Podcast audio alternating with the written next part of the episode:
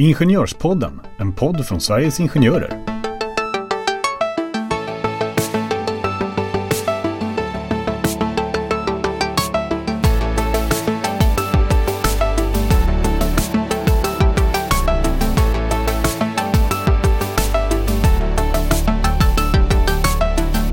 Hur mycket ska jag ha i lön om jag byter till en ny tjänst? Vilket kollektivavtal har jag? Och vad betyder egentligen en värvningsklausul? Omorganisation på jobbet. Vad ska jag tänka på? Frågorna är många och idag ska vi försöka besvara några. Varmt välkomna till Ingenjörspodden.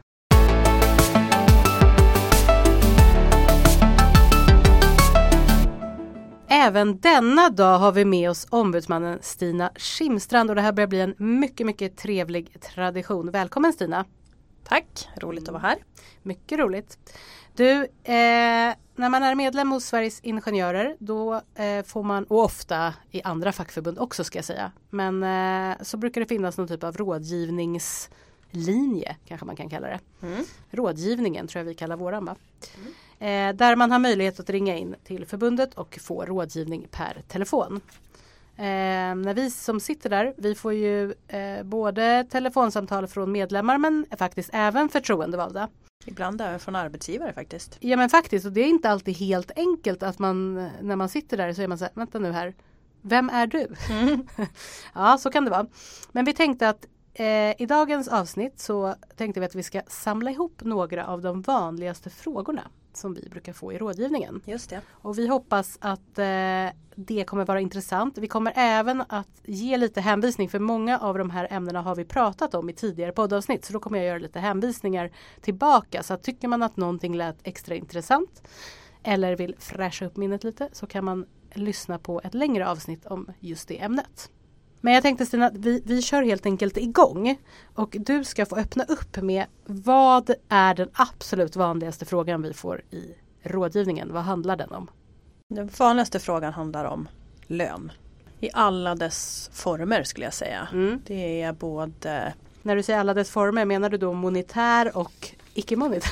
Ja men eh, jag skulle säga så här. ehm, vanliga frågor om lön är ju inför ny anställning som i sin allra allra första anställning som ingångslön. Mm. Eller man ska byta jobb både inom arbetsplatsen eller mellan två olika arbetsplatser. Men Mm. även sådana frågor som är jag verkar inte riktigt kunna få det anspråk som jag begär eller om jag inte får det, vad finns det för andra saker jag kan förhandla om utöver själva månadslönen? Just det. Mm. Och sen kan man väl säga att inför exempelvis lönerevisioner så är ju trycket väldigt hårt. Ehm, Absolut. för att då också vilja liksom fiska hur ska jag lägga upp mitt lönesamtal och vad kan jag förvänta mig och vad kan jag Mm. begära. Och vad säger mitt löneavtal? Precis. Mm. Ja och vad brukar vi då, nu är det väldigt pedagogiska frågor eftersom jag själv sitter i rådgivningen, men vad brukar vi egentligen hänvisa till absolut mest? Ja, ledande fråga. jag Mycket tror att ledande. du vill att jag svarar Saco lönesök som ju är vi skickar ju varje år i oktober ut en löneenkät Mm. och svaren från det sammanställer våra jätteduktiga statistiker och sen har vi som då en databas med ingenjörslöner där man kan se både inom privat sektor och offentlig sektor och man kan göra olika filtreringar på vilken utbildning man har om man är högskole eller civilingenjör och ålder och examensår och lite diverse. Så det är ju en jättebra källa till information om ja, marknadslöneläge. Och vi ska väl säga det att alltså, man kan ju, alla medlemmar har ju tillgång till det här. Alltså att man kan ju absolut ringa till rådgivningen och fråga. Men man kan ju även själv sitta och eh, finula och filtrera eh, antingen helt på egen hand eller först och sen ringa och kolla av lite. Ja, jag skulle definitivt rekommendera att man lägger lite Mm. tid på att göra lite olika typer av filtreringar Mm. för att se ja, men om jag lägger till region som är ett utav Mm. valen, vad händer då? Ehm, därför att det jag ehm, tycker att vi pratar en del om i rådgivningen det är ju ut, utöver liksom den här siffran i lönen. Mm. Vad är det man ska tänka på då? Mm. Och det är ju förstås att vara väl förberedd, att, att ha förberett sig hur man ska argumentera för det anspråk som man lämnar. Det gäller ju både när man söker jobb och i själva lönerevisionen som du också nämnde. Och sen finns det ju mycket bra underlag på vår webbplats. Där finns det ju både ingångslönen och, och utfall på hur ja, medellönen ser ut för, för ingenjörer och, och även hur ingångslönen har sett ut genom, år, genom åren. Mm. Vi ska väl säga också att eh, om man vill lyssna mera om avsnitt som handlar just om lön så har vi både avsnitt 20 som handlar om själva löneprocessen och hur den går till. Och även i avsnitt 21 i Ingenjörspodden så eh, pratade vi om lönestatistik. Och då hade vi en statistiker, Anna Sandgren, som var här och eh, förklarade ännu mer ingående hur just den här sak och lönestatistik går till. Så där kan man ju lyssna mera. Men vi ska väl säga också att um, ibland kan det ju tangera på lön. Alltså vi kan ju ibland få frågor om just men, semesterlön, eh, föräldralön, mm. eh, lön vid eh, sjukfrånvaro mm. etc. Så att mm. just lönefrågan är ju väldigt stor kan man väl säga. Absolut, det finns mycket både som man vill veta och i de där sista som du nämnde är också där det kan ha blivit fel. Mm. Där man eh, känner att man kanske har fått för lite i föräldralön det är alltså den ersättning som man får från kollektivavtalsskrivningar eh, i samband med föräldraledighet. Som en utfyllnad. Mm, komplement mm. till föräldrapenningen. Mm.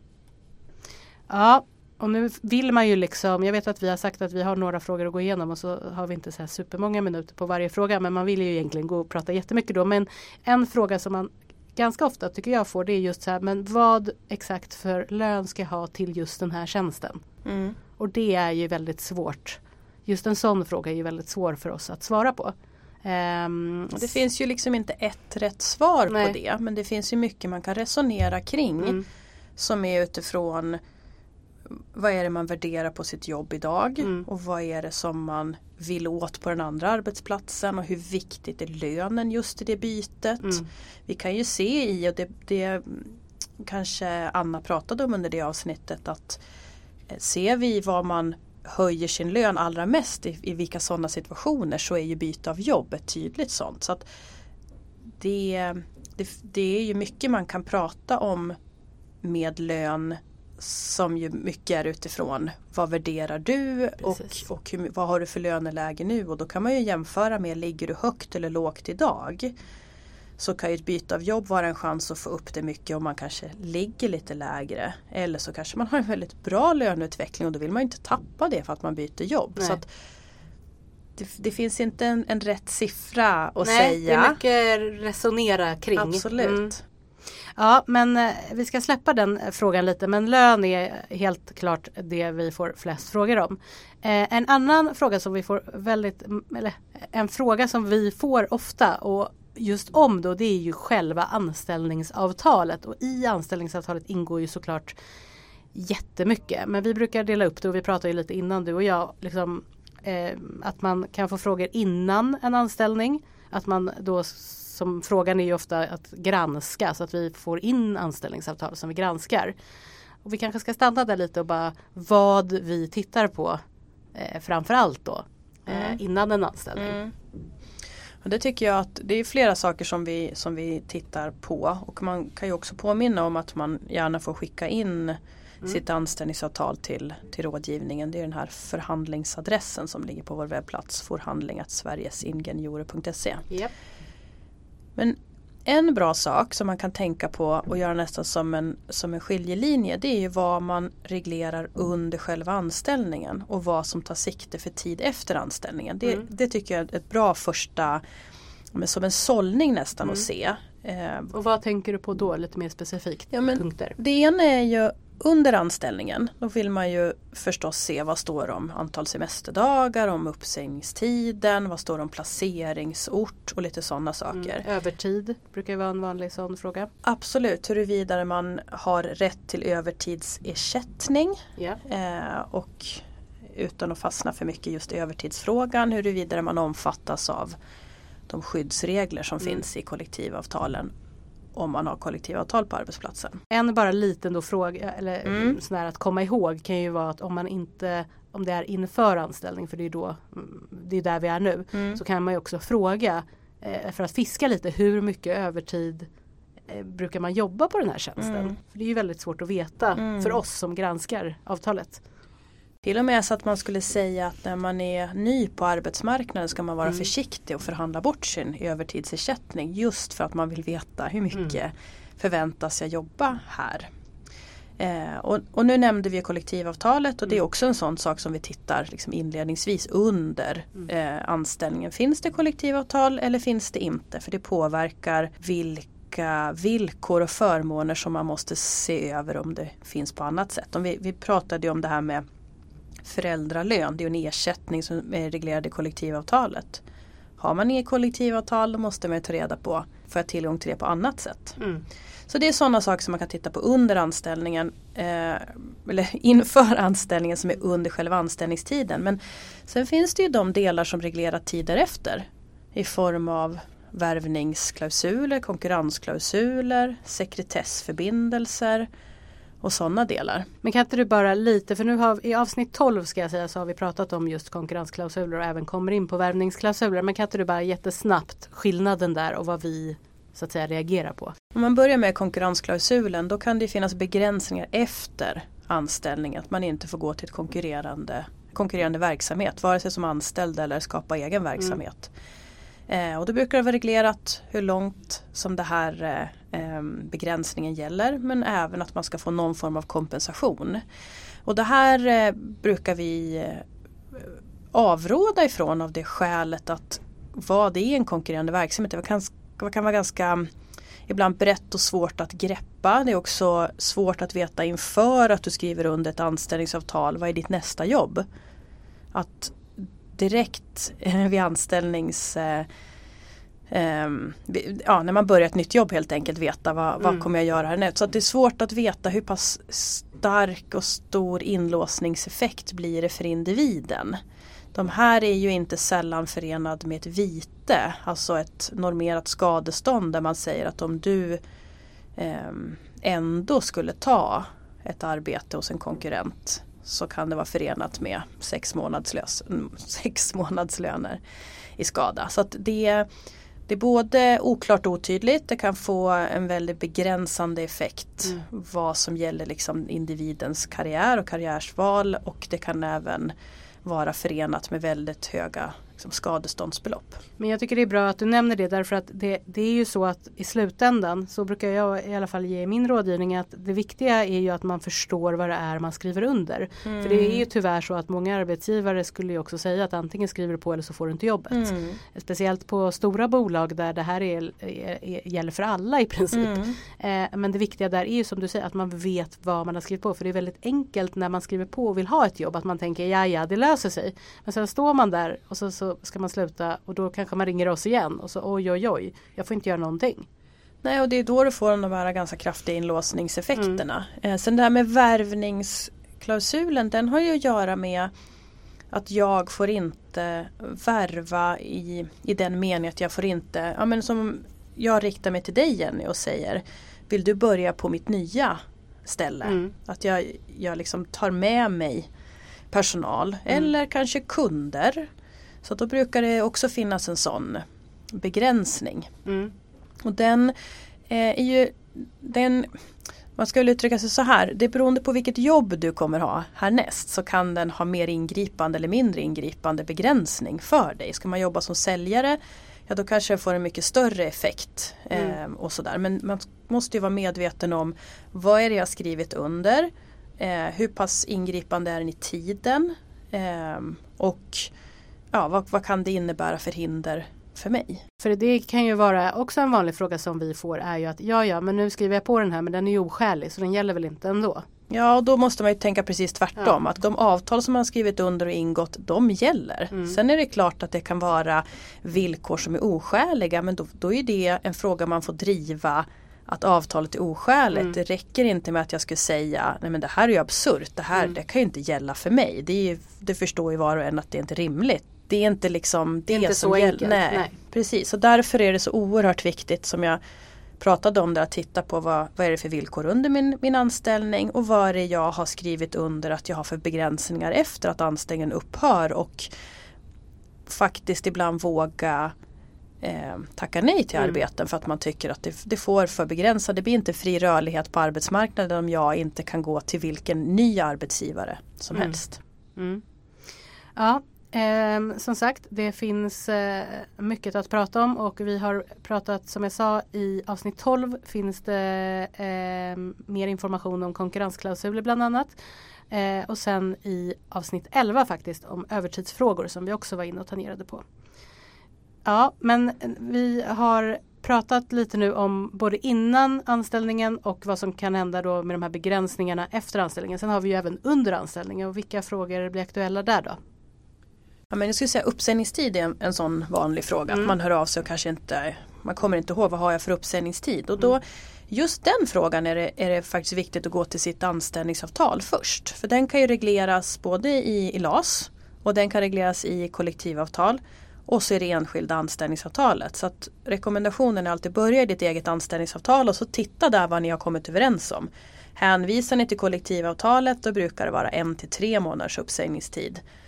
Som om man säger upp sig själv. Mm. Så att det, uppsägningstid är en sån eh, vanlig fråga. Ibland kan det vara eh, semesterfrågor till exempel. Att man vill eh, veta Ja men det finns ju olika semesterår om det börjar första januari eller om det Just det. börjar första april till Mm. exempel. Lite. Det kan ju vara förskottssemester och sådana saker också då kanske. Mm. Mm.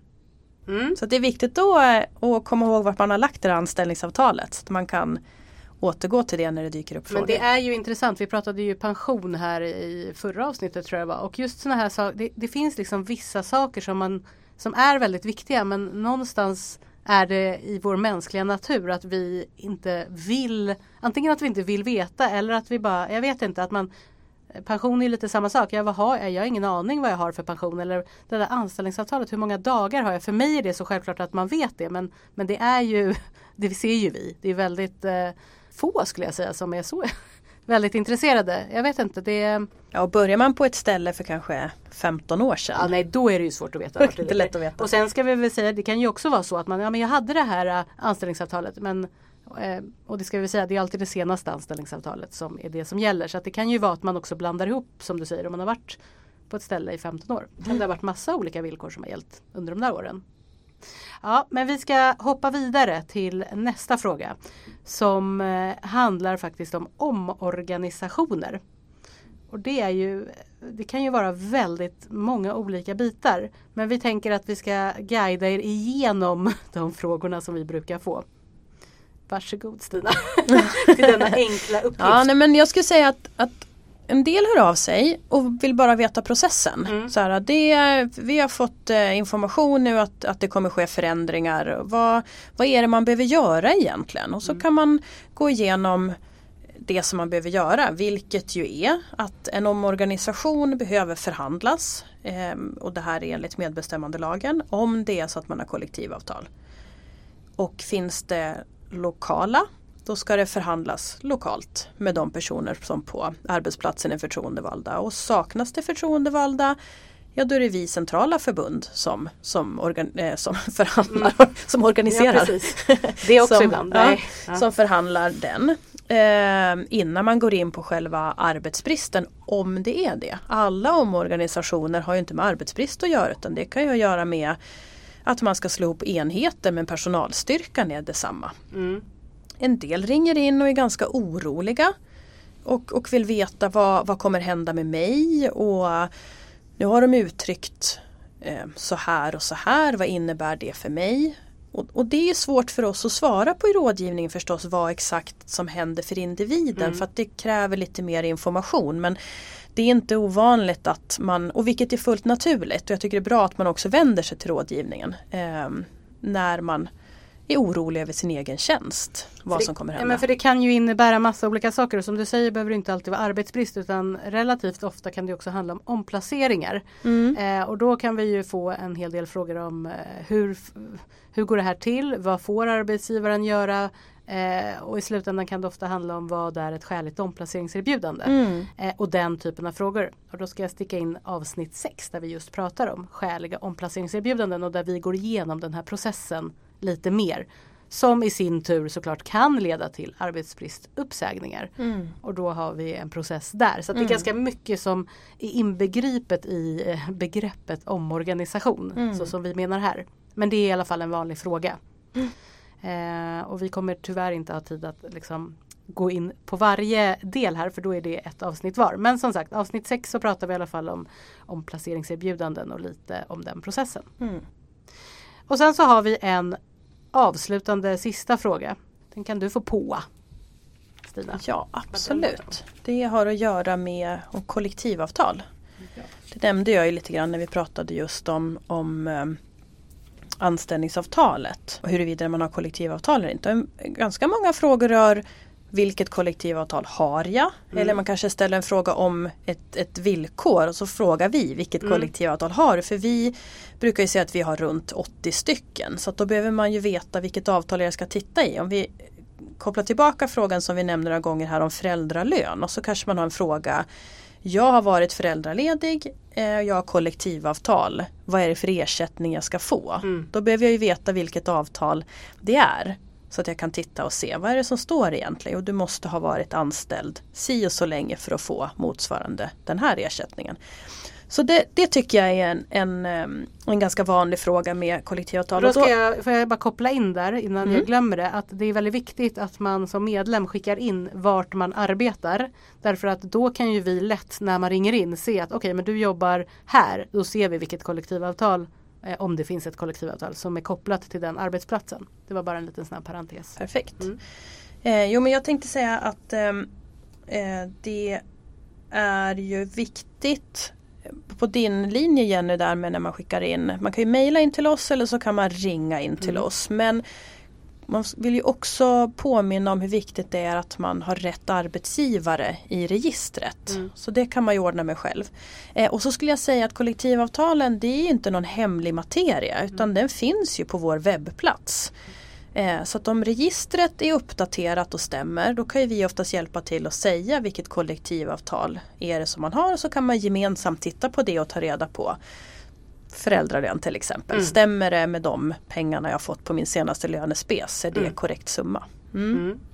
Men jag tror att vi eh, jag tror vi faktiskt avslutar här för att det finns som sagt eh, väldigt mycket mera att prata om på varje punkt. Undrar hur många gånger jag sagt det. Jag tror jag har sagt det minst tre gånger i varje avsnitt. Men det är det som är så bra för då kan vi fortsätta och ha fler och fler avsnitt. Eh, och men fortsätt här... ring till rådgivningen ja. med alla frågor som ni har förstås. Precis, absolut. Ja, superkul att du var här Stina och eh, förhoppningsvis kommer vi se mycket mer av dig i Ingenjörspodden framöver. Eh, nu får ni ha det så bra där ute i e etern, säger man så? Etern? Säger man så Stina? etern? Ja, ja. eten. eten mm. ja. ja, eh, i alla fall. Tack och hej för oss så länge. Hej då!